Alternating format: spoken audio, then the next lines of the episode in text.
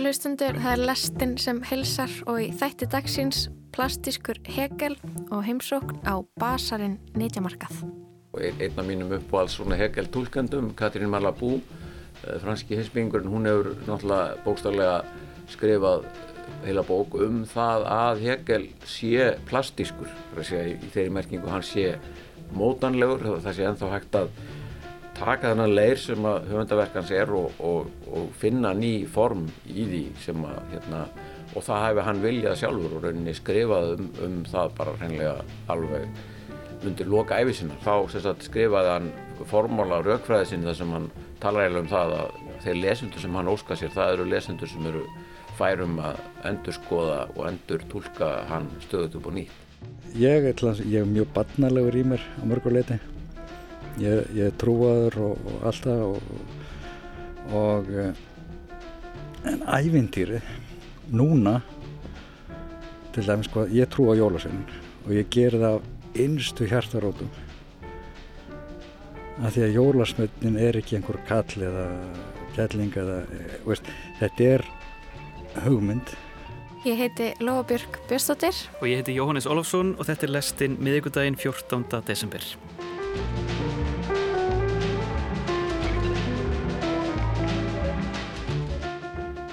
Og við ætlum að byrja þennan þátt á nýfundnum glósum úr Hegel fyrirlestri.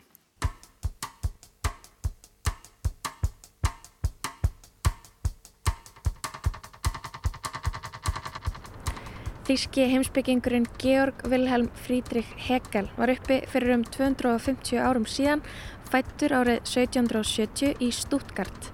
Hegel er einn nafntóðasti heimsbyggingur evróskar hugmyndasögu, sannilega sá áhrifamesti en oft kallaður sá torskildasti líka. Og nú á dögunum í loku november byrtist frétt á vef Guardian. Yfir 4000 blaðsýr af glósum eins nefnda Hegel fundust á bókasafni Biskupstæmis í Þískalandi.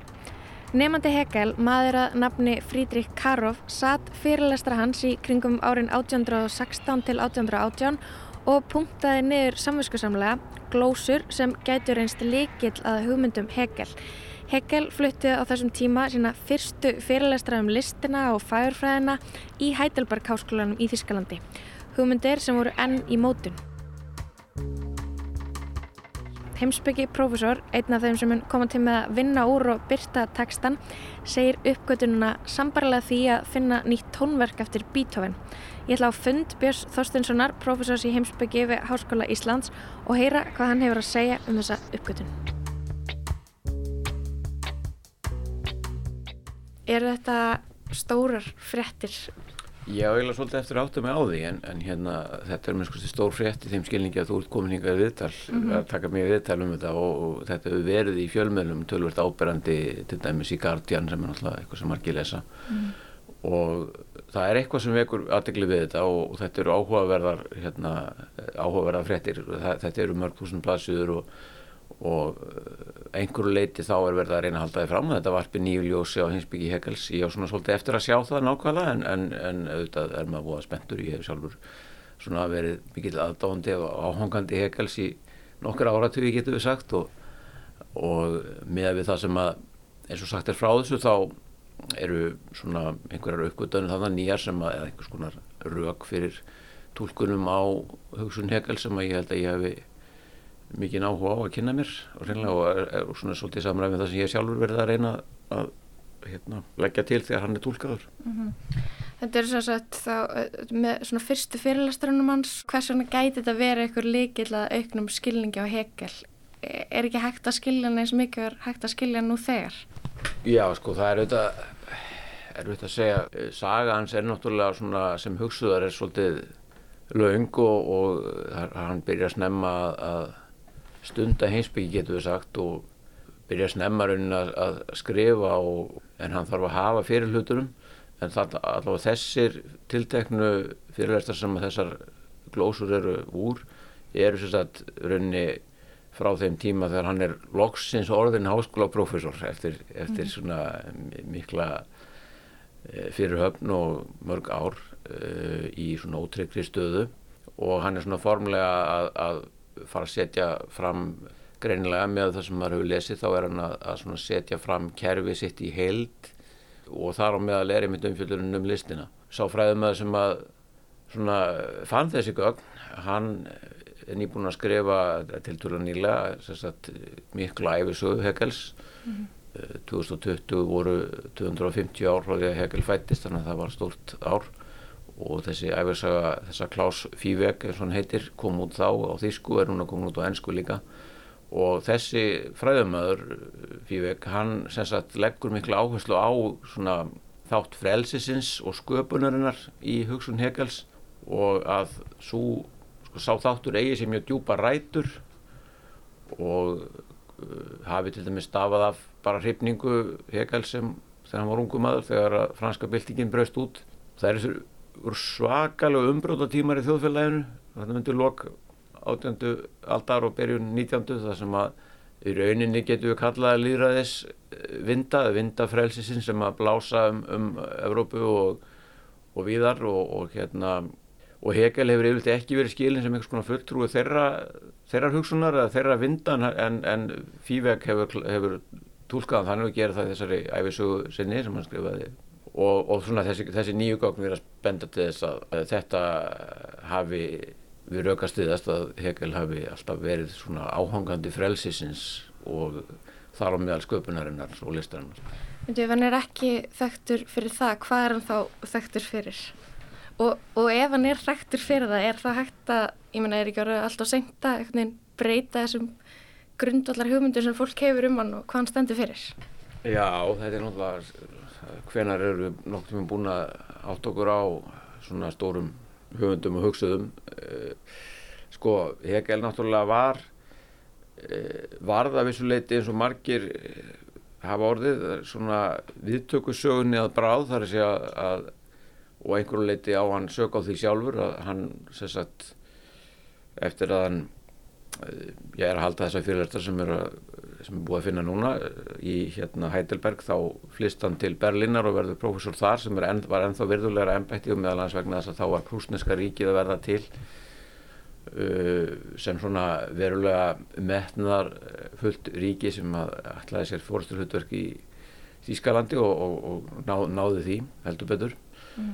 Og þá svona gerðist þannig til loka æfinar er sagan svo að Hegel hafi gerst svona hyrð heimsbyggingur prúsneska ríkisins sem var einræðis eða allavega svona einveldis ríki þar sem það var einvaldur sem að ríkti yfir því.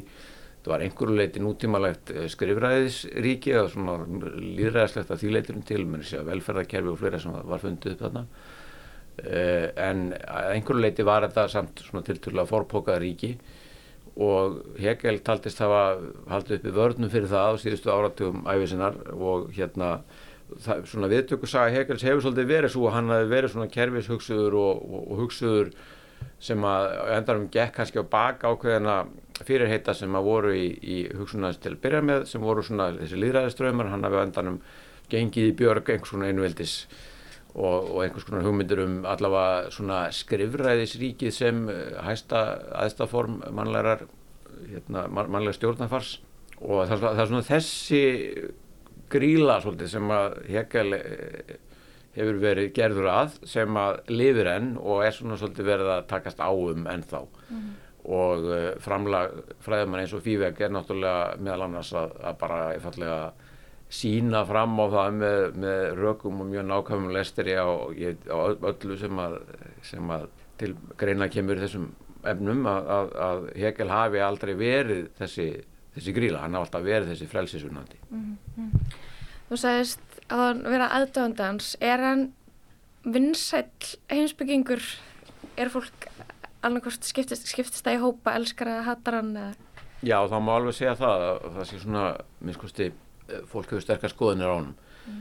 og e, það fyrir náttúrulega svolítið eftir bara hvar eh, maður staðstöðu sig með allmis í, í franskri heimsbyggi er Hegel mjög mikilvægur og sérst ekki bara í þýskri heldur líka í franskri öpil en meira í franskri 20. aldar heimsbyggi heldur en þýskri hérna af eins og floknum sögulegum ástæðum en sérst að Hegel er hafði gríðarlega áhrif á marga af þessum frægustu 20. aldar hinsbyggingum í Fraklandi og það má kannski segja einhverju leiti hafi samband þeirra akkurat verið þannig að það var svona svolítið verið að átt að sagja hvort menn elskuðan eða hötuðan en allavega gerðum menn sig grein fyrir því að það að, að hata Hegel, ef einhver stemmar að meðan á heilanum þá var maður vissuleiti að gera Hegel eh, hérna þann greiða að halda honum á lífi. Mm -hmm. En af hverju þú aðdöndans? Hvað er það Hegel sem að heila þig? Já, þetta er nú, nú ansvarað svona spurningum. Ég er náttúrulega kynntist Hegel hjá Páli skúlasinni sem var náttúrulega minn svona eftirleitis kennari heimsbyggi þegar ég var að taka bíaprófið hér við Háskóla Íslands og það var alltaf eitthvað sem við Pál, Pál áttum svona sameigilegt í kringum Hegel og einu svona kentum við nú reyndar válstofu um hann saman sem var geysilega skemmtilegt. Uh, einhver leiti finnst mér Hegel vera svona röggrétt niðurstaða af ákveðnum, ákveðnum kreppu sem átti sér staði bæði í heimsbyggi og samfélagi á átjóndöld og svona deglunni sem þá var. Og Immanuel Kant kemur fram og vil endur reysa hinsbyggin að finna henni nýjan grunn en tekst það ekki alveg en, en Hegel að mörguleiti klárar það verk. En að má hins vegar haldaði fram mögulega að grundvöldunum sem hann fann hafi ekki verið já, eins traustur og, og svona mörg hefðu viljað en, en hérna en ég held að það sé einfallega vegna þess að það er engin slíkur tröstu grundvöldur til. Og svo er Hegel náttúrulega svo skemmtilega og, óendanlega margraður höfundur og það er hægt að hugsa á grundvöldi hans á mjög ólíka vegu. Til dæmis eins og við erum að gera hér að ræða, ræða svona um hlutverk frelsisins í heimsbyggjans hvort að það hafi uh, hvort að það sé hægt að líta svo og það hafi verið einn megin þráður en að jafnvel aðalatriðið. Mm -hmm. Emið, þú segir margraður, eitthvað segja torskilin ansið torskildasti heimsbyggingurinn en að reyna að skilja hann skiptir máli eitthvað einn réttur skilningur geta eitthvað svona glósur orðið eitthvað líkill að því að skilja hann til fulls og er það eftirsoknavert í heimsbyggi? Nei, ég held ekki og ég held einmitt að Hegel sé sá sko þrátt fyrir allt þá sé hann heimsbyggingur sem gerir sig grein fyrir því að skilningsleitinni er aldrei lokið og og þar á meðal eh, sko, þetta gildir sem líka um heimsbyggi Hegel sjálfs. Þannig að einmitt þegar það finnast einhver svona nýgögn þá er það skemmtilegast við þau kannski einmitt það að þau geta opna tólkannar á Hegel og endur nýja þær og, og hérna þannig að, að þær séu til þess að einmitt að sanna þá málans á þar nátt að, að, að tólkunni sé ekki lokið. Og ein, einn af mínum uppáhalds svona Hegel tólkandum Katrín Malabú eh, franski heimsbyggingurinn hún hefur náttúrulega bókstarlega skrifað eh, heila bók um það að Hegel sé plastískur í þeirri merkingu hann sé mótanlegur, það sé enþá hægt að taka þennan leir sem að höfundaverkans er og, og, og finna ný form í því sem að hérna, og það hefði hann viljað sjálfur og rauninni skrifað um, um það bara hreinlega alveg undir loka æfisinnar þegar að hérna, hann var eiginlega hann var veikur af, af kólurjabel en allavega svona alveg við það að hvaða þennan heima og, og þá sagt, skrifaði hann formóla á raukfræði sinni þar sem hann talar eiginlega um það að þeir lesendur sem hann óska sér það eru lesendur sem eru færum að endur skoða og endur tólka hann stöðut upp og nýtt.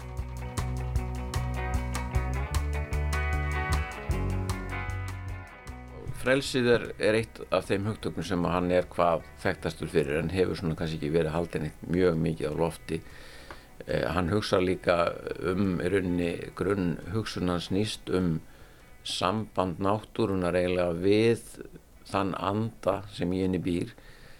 Og þessi andi hefur, hefur náttúrulega yfirlt verið tólkað sem mannsandin sérstaklega en hann gæti alveg eins verið sko eiginlega svona eh, það afl sem að býr í efninu og veldu því að það reyfist og, og að það tekur breytingum við getum skilðið það svona þessum allra viðasta skilningi við getum líka fallega sagt að, að dýrin eiga með sko hluteld í þessum anda.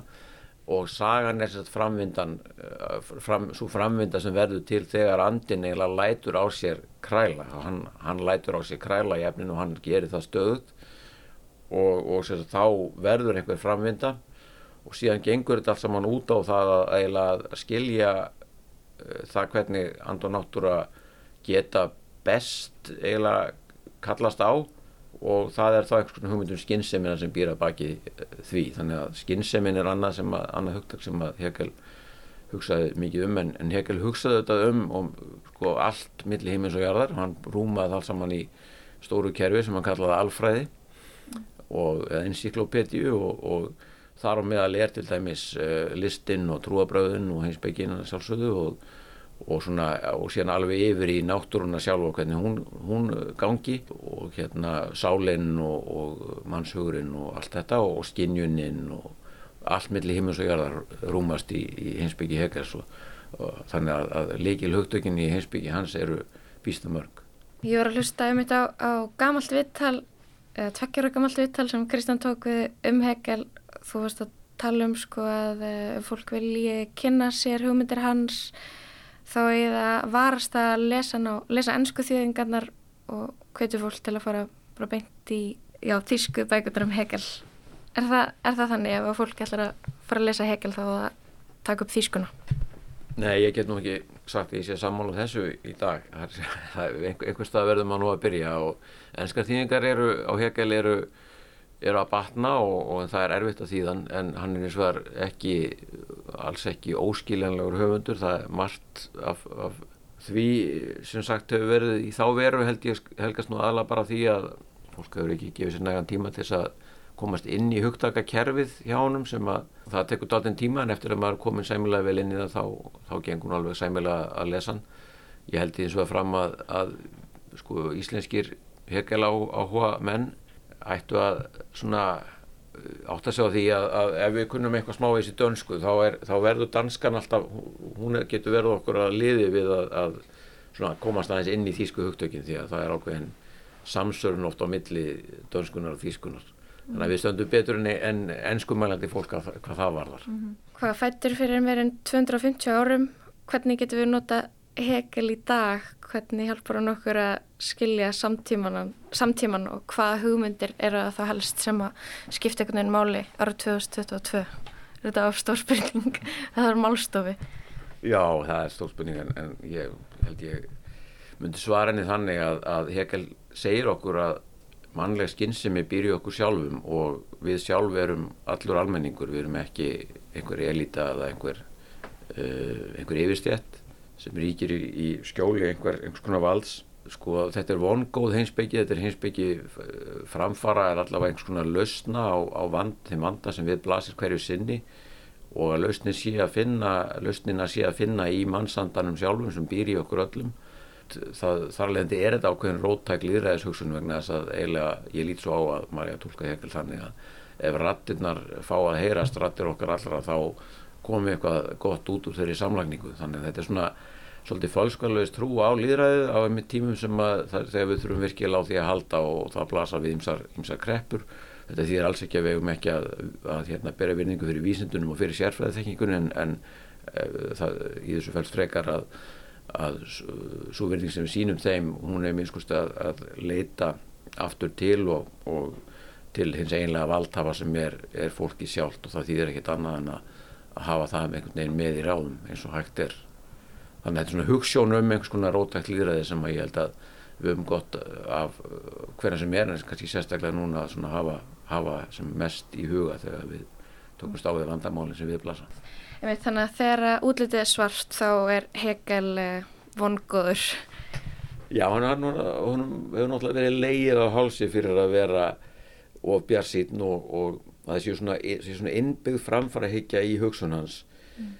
og vissuleiti er það rétt en vissuleiti ekki því að framfara higgjan hún krefst þess á hverjum tíma séu til staðar e, mannlegir gerendur eða mannlegar verur sem að e, gangast við hlutverki sínu sem eiginlega drivkrafturinn í framvendunni og það er mjög flóki verkefni, það er ekkert, ekkert sem að segir nákvæmlega hvernig maður á að gera það vegna þess að hættan er alltaf svo að maður gerist handbendi þegar afla sem vinnar unni gegn frelsinu og gegn eh, eiginlega þessu rótækka líðræði og mm. þannig að, að já, þetta er svona hugsun sem rúmar þessar mótsagnir og gerir þær að aðalatriði í, í sinni sín á, á veruleikan og framöndu hans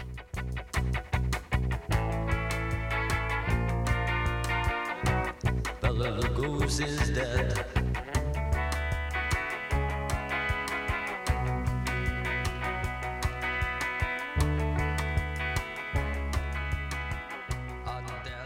Það er að hópur sérfræðinga sem er að fara í gegnum allar þessar glósur og þessum, frá þessum fyrirlesturum.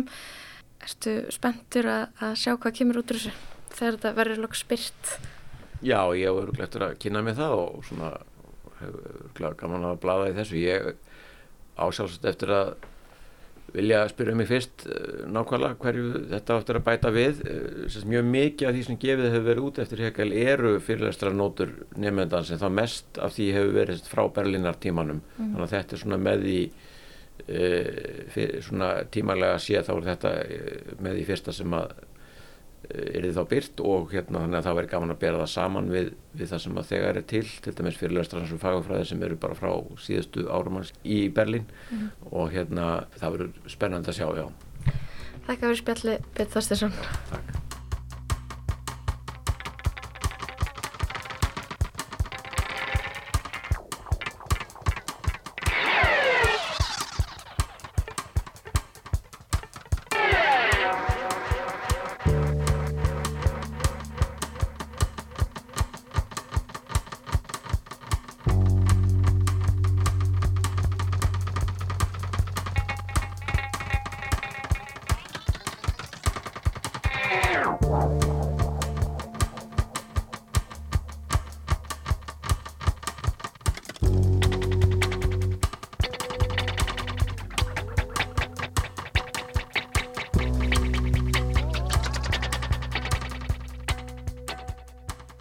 hljómsveitin Bauhaus, lægið Bella Lugosi's Dead.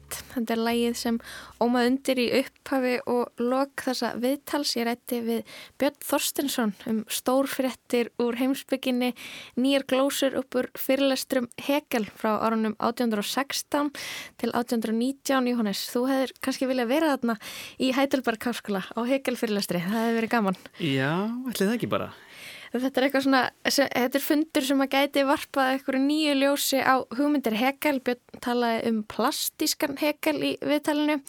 Sko í þeirri merkingu að Hegel sé mótanlegur og þeir lesendur sem að Hegel sjálfur orskaði sér eru þeir sem veru færir um að endur skoða og endur tólka hann stöðut upp á nýtt. Þannig að það er skemmtilegt að fá þessar nýju glósir. Mm -hmm. og það er oft talað um að Hegel sé svo torskilinn uh, talað um hann sem torskildasta heimsbyggingin, jafnvel. En Björn talað um að það getur líka stafaði að hann væri þýskur og, og þýsku hugtökin væri svona illþýðanlega yfir á ennsku en við Íslandingar erum heppin samkvæmt byrni því að það er mun auðveldra að skilja hann til dæmis á dönsku hvetjum hlustendur til að lesa Hegel á dönsku. En þá yfir í allt annað við allum í ferðalag með önnugiðu Sigur Gísladóttur sem er um þessar mundir með hugan við merð, sagna og sjónarhóttna sem sveima í kringum okkur allan liðlákan daginn. Hún fyrir á stúana og spyr gesti og gangandi hvað ert að hugsa einmitt núna?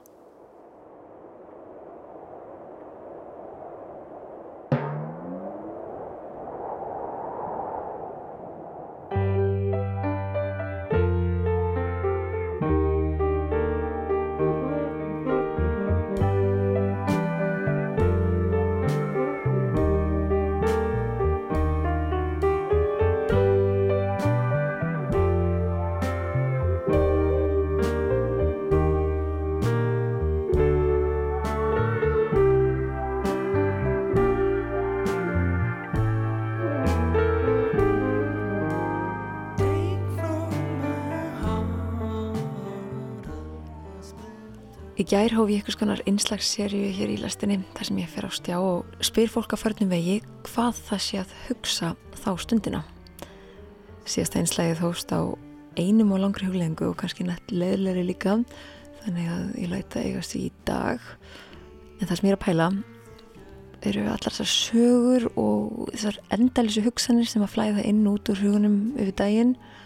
Flesta kannski svolítið ómeðvitaðar. Mér er nefnilega sagt að manndýrið hugsi 6.000 hugsanir á dag eða svona um það byrj 6.000 þannig að að hugsa sér allar pælingarnar allar sjónarhornin, allar hliðarnar allar sögurnar sem er að vera til ymmit núna. Þegar ég hugsa til þess upplifi ég samskonar víðáttu brjálaði og þegar maður keirir í snjókomi og har verið á snjókomin skella á framröðunni og átta sig á því að það er ekki séns að maður getur nokkur tíman vitað hver mörg snjókotn falla á rúðina þá stundina. Ekki séns að fá tölu yfir þá endalusum merð snjókotna sem að sveimum heiminn einmitt þá.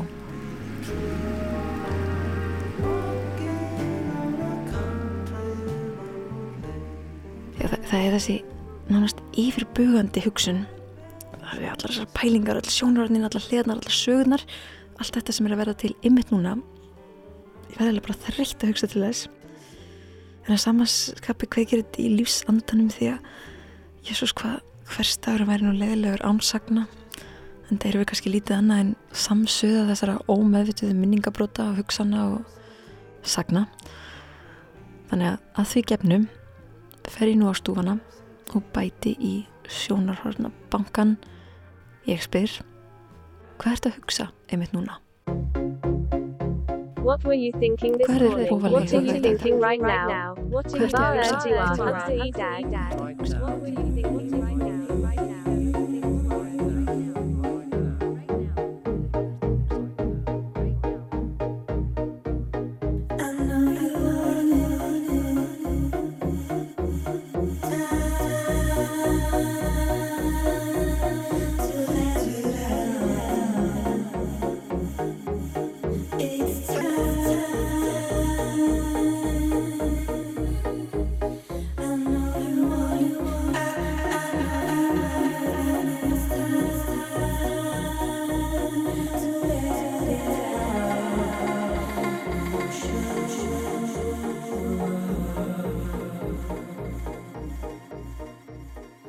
Þessar spurningar fær næsti aðli sem verður mér handafskend á vegi í dag.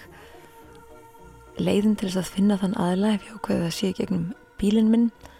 Ég sest upp í bíl og keiri á stað. Keiri bara eitthvert, hlusta á innsæð og stöðva bílinn þar sem hjartað segir mér að stöðva. Í dag segir hjartað mér að stöðva við austurver. Ég geng inn og viðblasir nýtjamarkaður sem að nefnist Basarinn. Hæ, Ég rek upptökutökið fram í starfsmann Veslunarinnar og aðtöða hvort ég megi spyrja hann út í hugsanir líðandi stundar. En áður við byrjum, beða hann um að kynna sig. Ég heiti Karl Jónas Gíslason og er fórstöðmaður hérna á Basarnum nýttjamarkaði.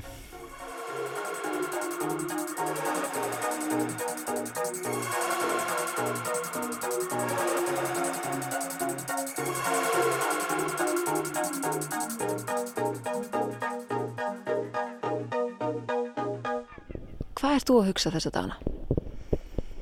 Fyrst og fremst bara njóta lífsins, hugsa sem minnst og, og læt hugan reyka til sérstaklega barnabarnana á fjögur stykki og, og sem að lýsa upp alla daga jafn mikið einhvern veginn og það er já bara fjölskyldan, það er ekkert annað sem að fyllir huga minn. Þú sagðir hugsa sem minnst. Hvernig fyrir maður að því? Erstu með eitthvað góð ráð við því? Því að ég, ég las eitthvað staðar að maðurinn hugsi 6.000 hugsanir á dag. Já, það það snýst í rauninu um það fyrir mér að, að komast inn í kyrðin sko. það, er, það er ekki þögn, heldur kyrð og, og eh, því grunnurinn að öllu er þessi kyrð því að, þann, því að það er í henni sem, að, sem þú heyrir hljóðin og, og eh, í skarkalarinn hér til sko, þá leita ég oft á dag inn í kyrðina vegna þess að það er svo mikið um að vera Hvernig leitur inn í kyrðina? Já, nú get ég bara einnig ekki útskýrt það. Það er bara að, að finna eitthvað í augnablikinu sem að, að einhvern veginn gagtekur mig, hvort sem það er einhver tilfinning eða einhver líðan og, og beini huganum öllum að þessu tiltekna og, og uh, þá hætti maður að hugsa um allt það sem er í gangi í kringum hann sko.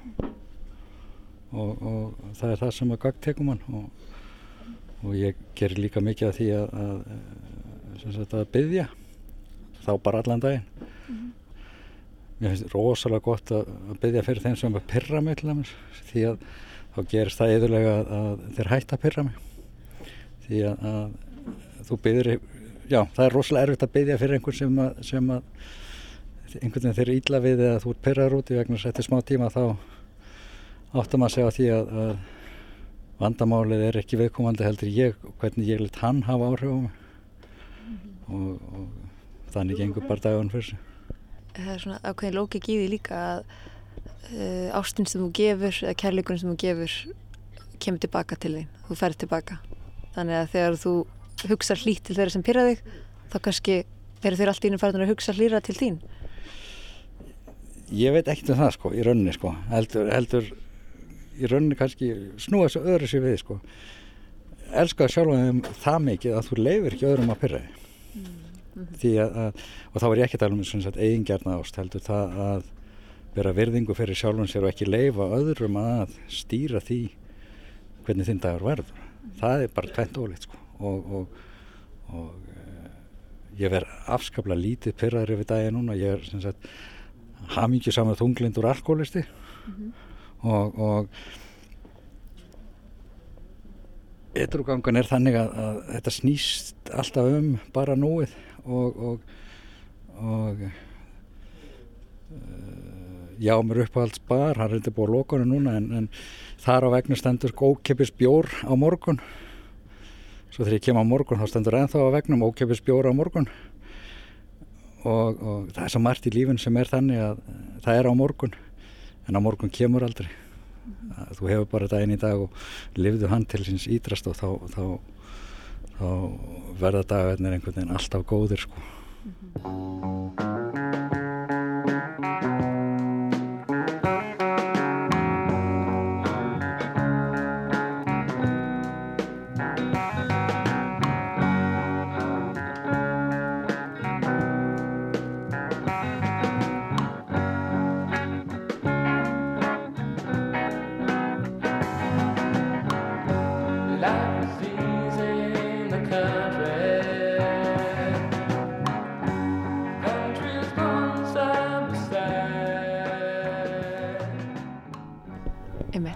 lifa lífinu til hins ídrasta sko núna er veturinn að skella á á Íslandi og það er orðið ansi kalt. Ertu með eitthvað ráð til þeirra sem að er að missa ævintýra þrána í hversteginu og þegar ég segi þeir þá tala ég svolítið um mig sko. Ég árið með að fara bara út að labba því að mér er eitthvað svo kalt. Mér langar bara að vera heima.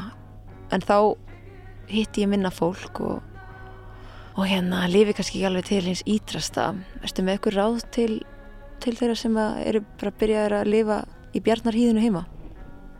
Já, segðu.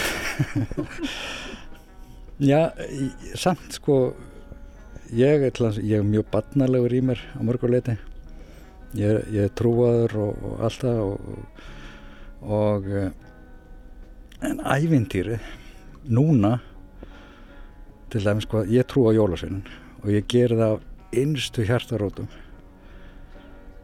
Að því að jólasmötnin er ekki einhver kall eða kelling eða, eh, veist, þetta er hugmynd sem að býri í, í rauninni í ævintýrunu á mörguleiti svona eins og Guð og Jésu akkurat. Og þannig að þegar að, að til, til dæmis lest ævintýrin, Narníu ævintýrin það heitir Jésús Aslan ljónið.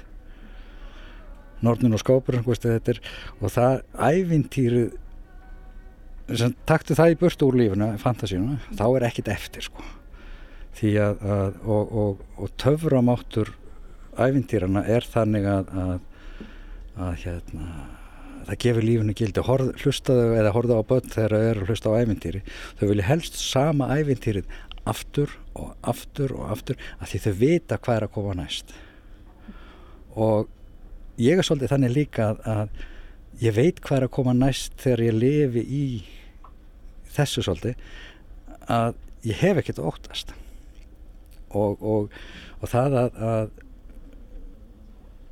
já eins og með jólasveinin sko horfða á hugmyndina bak við hann sko hugmyndina bak við, við jólin er í rauninni ekki það að þykja heldur fyrst og fremst það að gefa. Og, og þegar maður hefur af litlu að gefa gefið það bara tíma til þess að vera með einhverjum. Og, og eh, besti tími hjá mér til dæmis sko hann er undantekningar laust með, með barnavöldunum mínum. Tveggja ára gamalt barn er ekki að raukraða um sko. Og, og ég er ekki að raukraða við það. Ég bara að leika mér og þá er það bara leikur sem skiptur máli og ekkert annað. Og, og fyndu það sem að gefa gleði og, og gerðu það og ekkert annað á, á þeirri stundu sko. Og þá hefur lífið í þínum höndum og, og það, er, það er þú sem stýrir því. Já, fantasía jólana er kærleikur guðs til, til mannana en, en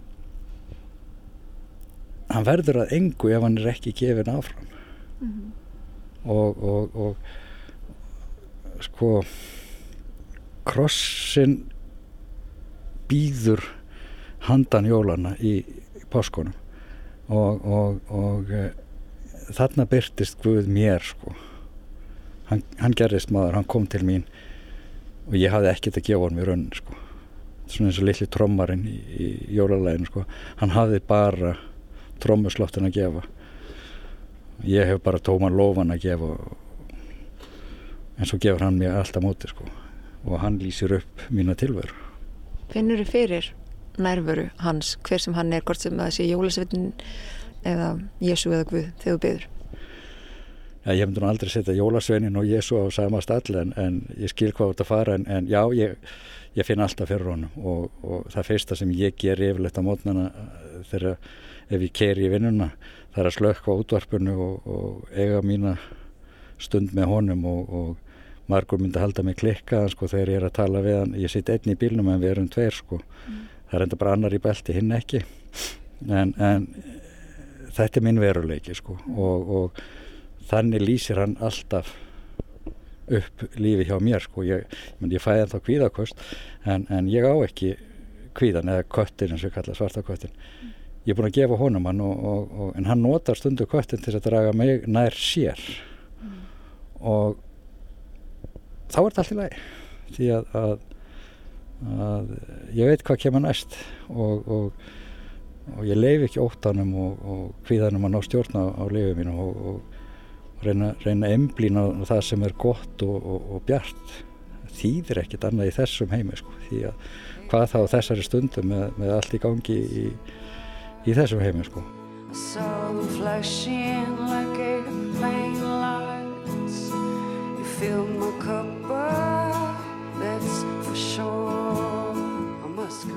Og, og eh, ég búi 20 ár í Eþjópi og, og þetta er ekkit eh, við vitum í raun ekki hvað við höfum það ótrúlega gott hérna á Íslandi með að við það sem að stór hluti heimsins býr við. Úkraina, Sýrland, Jemen. Katar, veist, við getum ta- talið allt saman upp sko, þar er bara óvöld og, og veist, mannréttindi, lítilsvirt og svo framvegis. Svo hvart er ég undan myrkrinu eða kuldanum, já ég skil alveg hvað ég að fara. En ég gæti haft það svo miklu, miklu verra þess vegna er ég bara ánægð með lífið og. Nobody's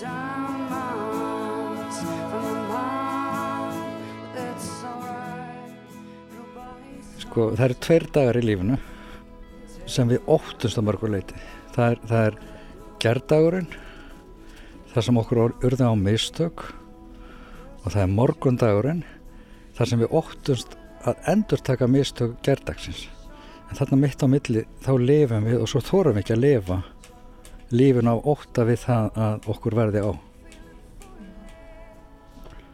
þannig að, að, að við verðum að læra að lifa í deginum í dag og hvergi annars þar En ég segi bara takk kærlega fyrir þetta. Þetta eru bara heldur betur falleg skilabóð. Ekki bara jólandi heldur bjartur hugleyslu ljósandi sem þú ert að gefa hlustundum. Og ég þakka bara kærlega fyrir það. Takk fyrir að deila með okkur. Já, takk sömulegis Einn kannski loka spurning, hvað ætlar að gera þegar þú ferð heim og vinna í dag? Já, í dag er langur dagur en, en eh, í kvöld ég er að vinna hérna alveg til sex. En, en þá ætla ég að elda eh, sjóða ísu og kartöflur og hafa smjör fyrir mig og kona mína. Við búum bara tvö einn heima. Svo er ég örgulega með einhverja myndir af, af barnabötunum sem býða mín til þess að, gleðast yfir. Hljóma dásamlega. alltaf What's that?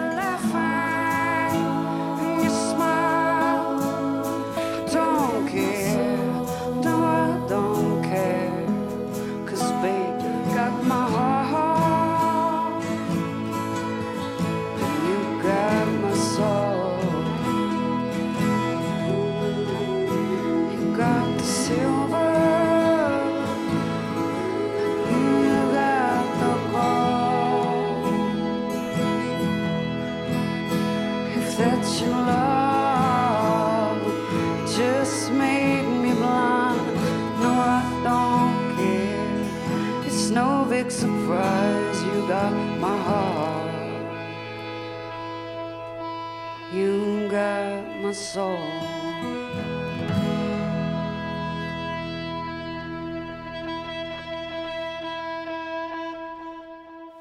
Viðmælandi önnugiðu Sigurgísladóttur var Karl Jónas Gíslason, fórstuðumöður á Basarnum, netjamarkaði í Östuveri og lægið sem við heyrum í lokin You Got the Silver með Cat Power.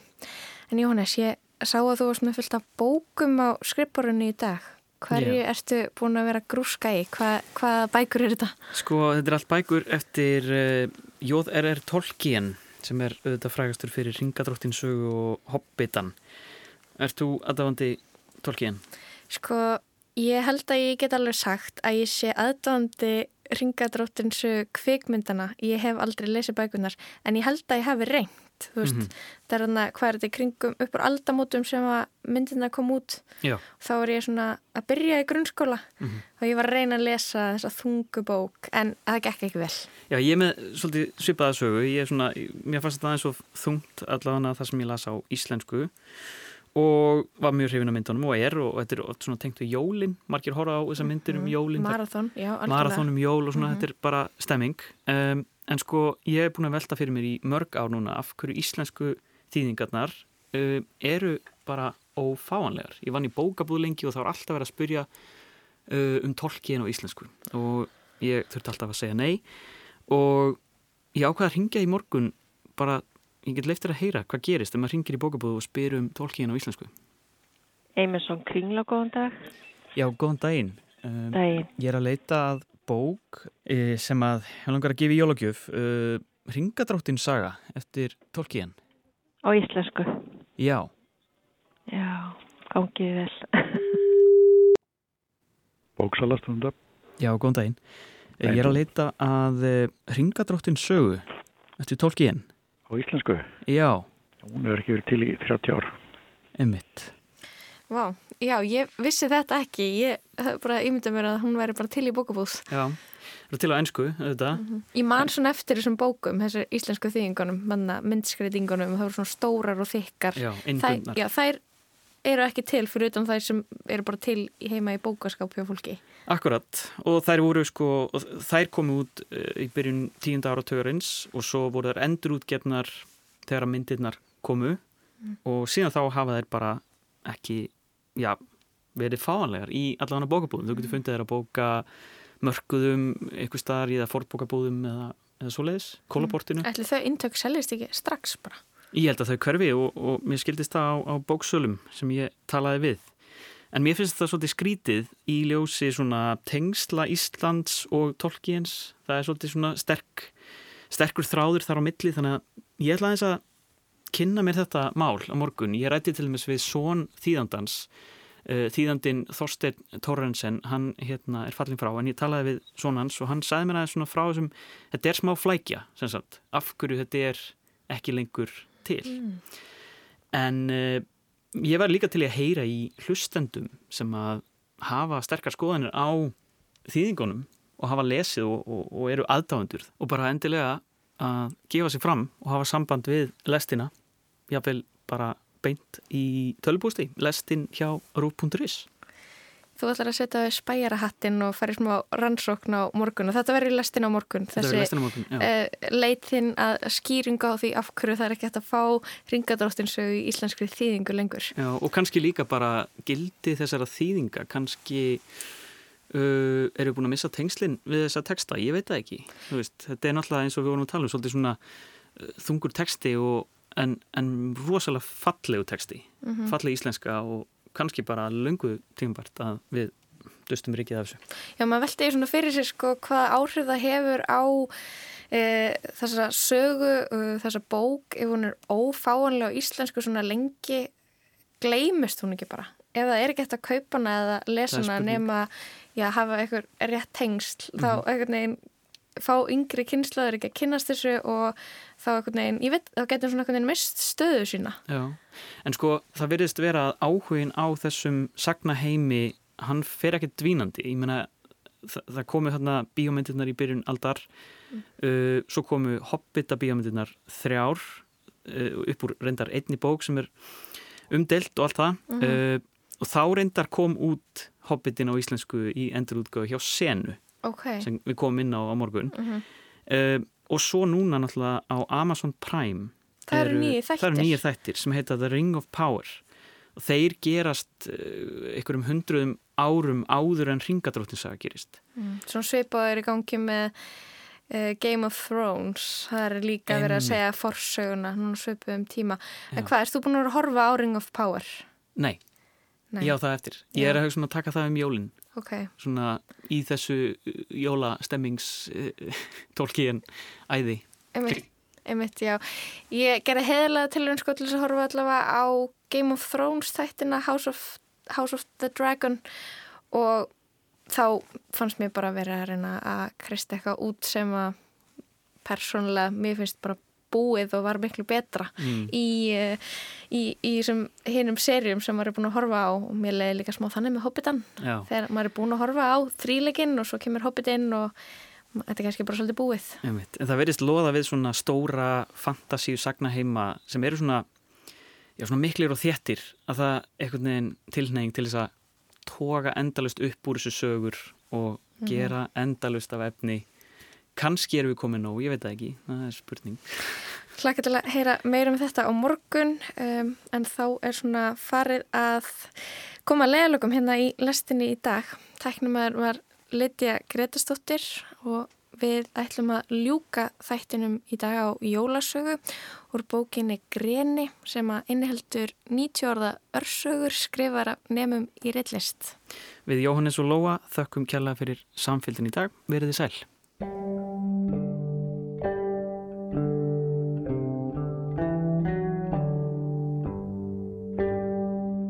Bráðum koma blessuð jólin eftir andra Frey Sigurborðsson. Lítið snæfi þakki tré í skógi, verur með exi fyrir hendur nálgast, berja í tréð, ái, ái, ái, þangar til að fellur í faðum þeirra. Draga það í litla kjallarahólu á lindargötunni, hengja á það kúlur, stjörnur og engla til að vega það nýður svo það slepp ekki. Sittja pakka undir. Sniff, sniff, eimur af hambúrgrarrygg, rauðrófum og gleði. Pakkanir teknir aftur, ripnir upp, gleðin líka. Með hverjum pakka sem er tekin vissnar tréð og gleðin dvínar. Gjafapappir og salgetisbref umleikja það. Úti heyrast sprengingar. Tréð lifir þetta ekki af.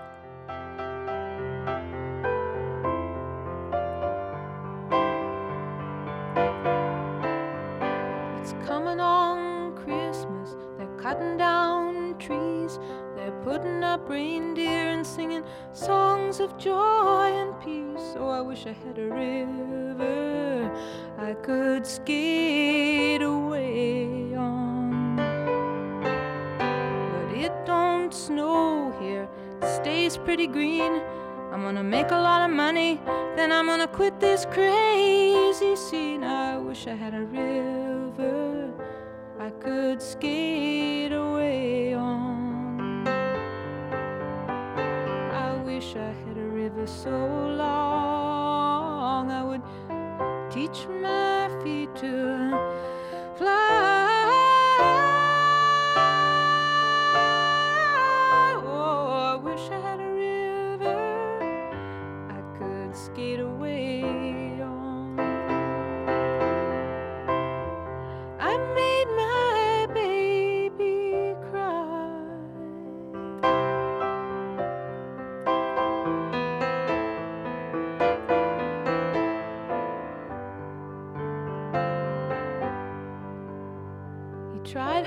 to help me, you know. He put me at ease, and he loved me so. Naughty made me weak in the knees. Oh, I wish I had a river I could skate away on. I'm so hard to handle. I'm selfish and I'm sad. Now I gone and lost the best baby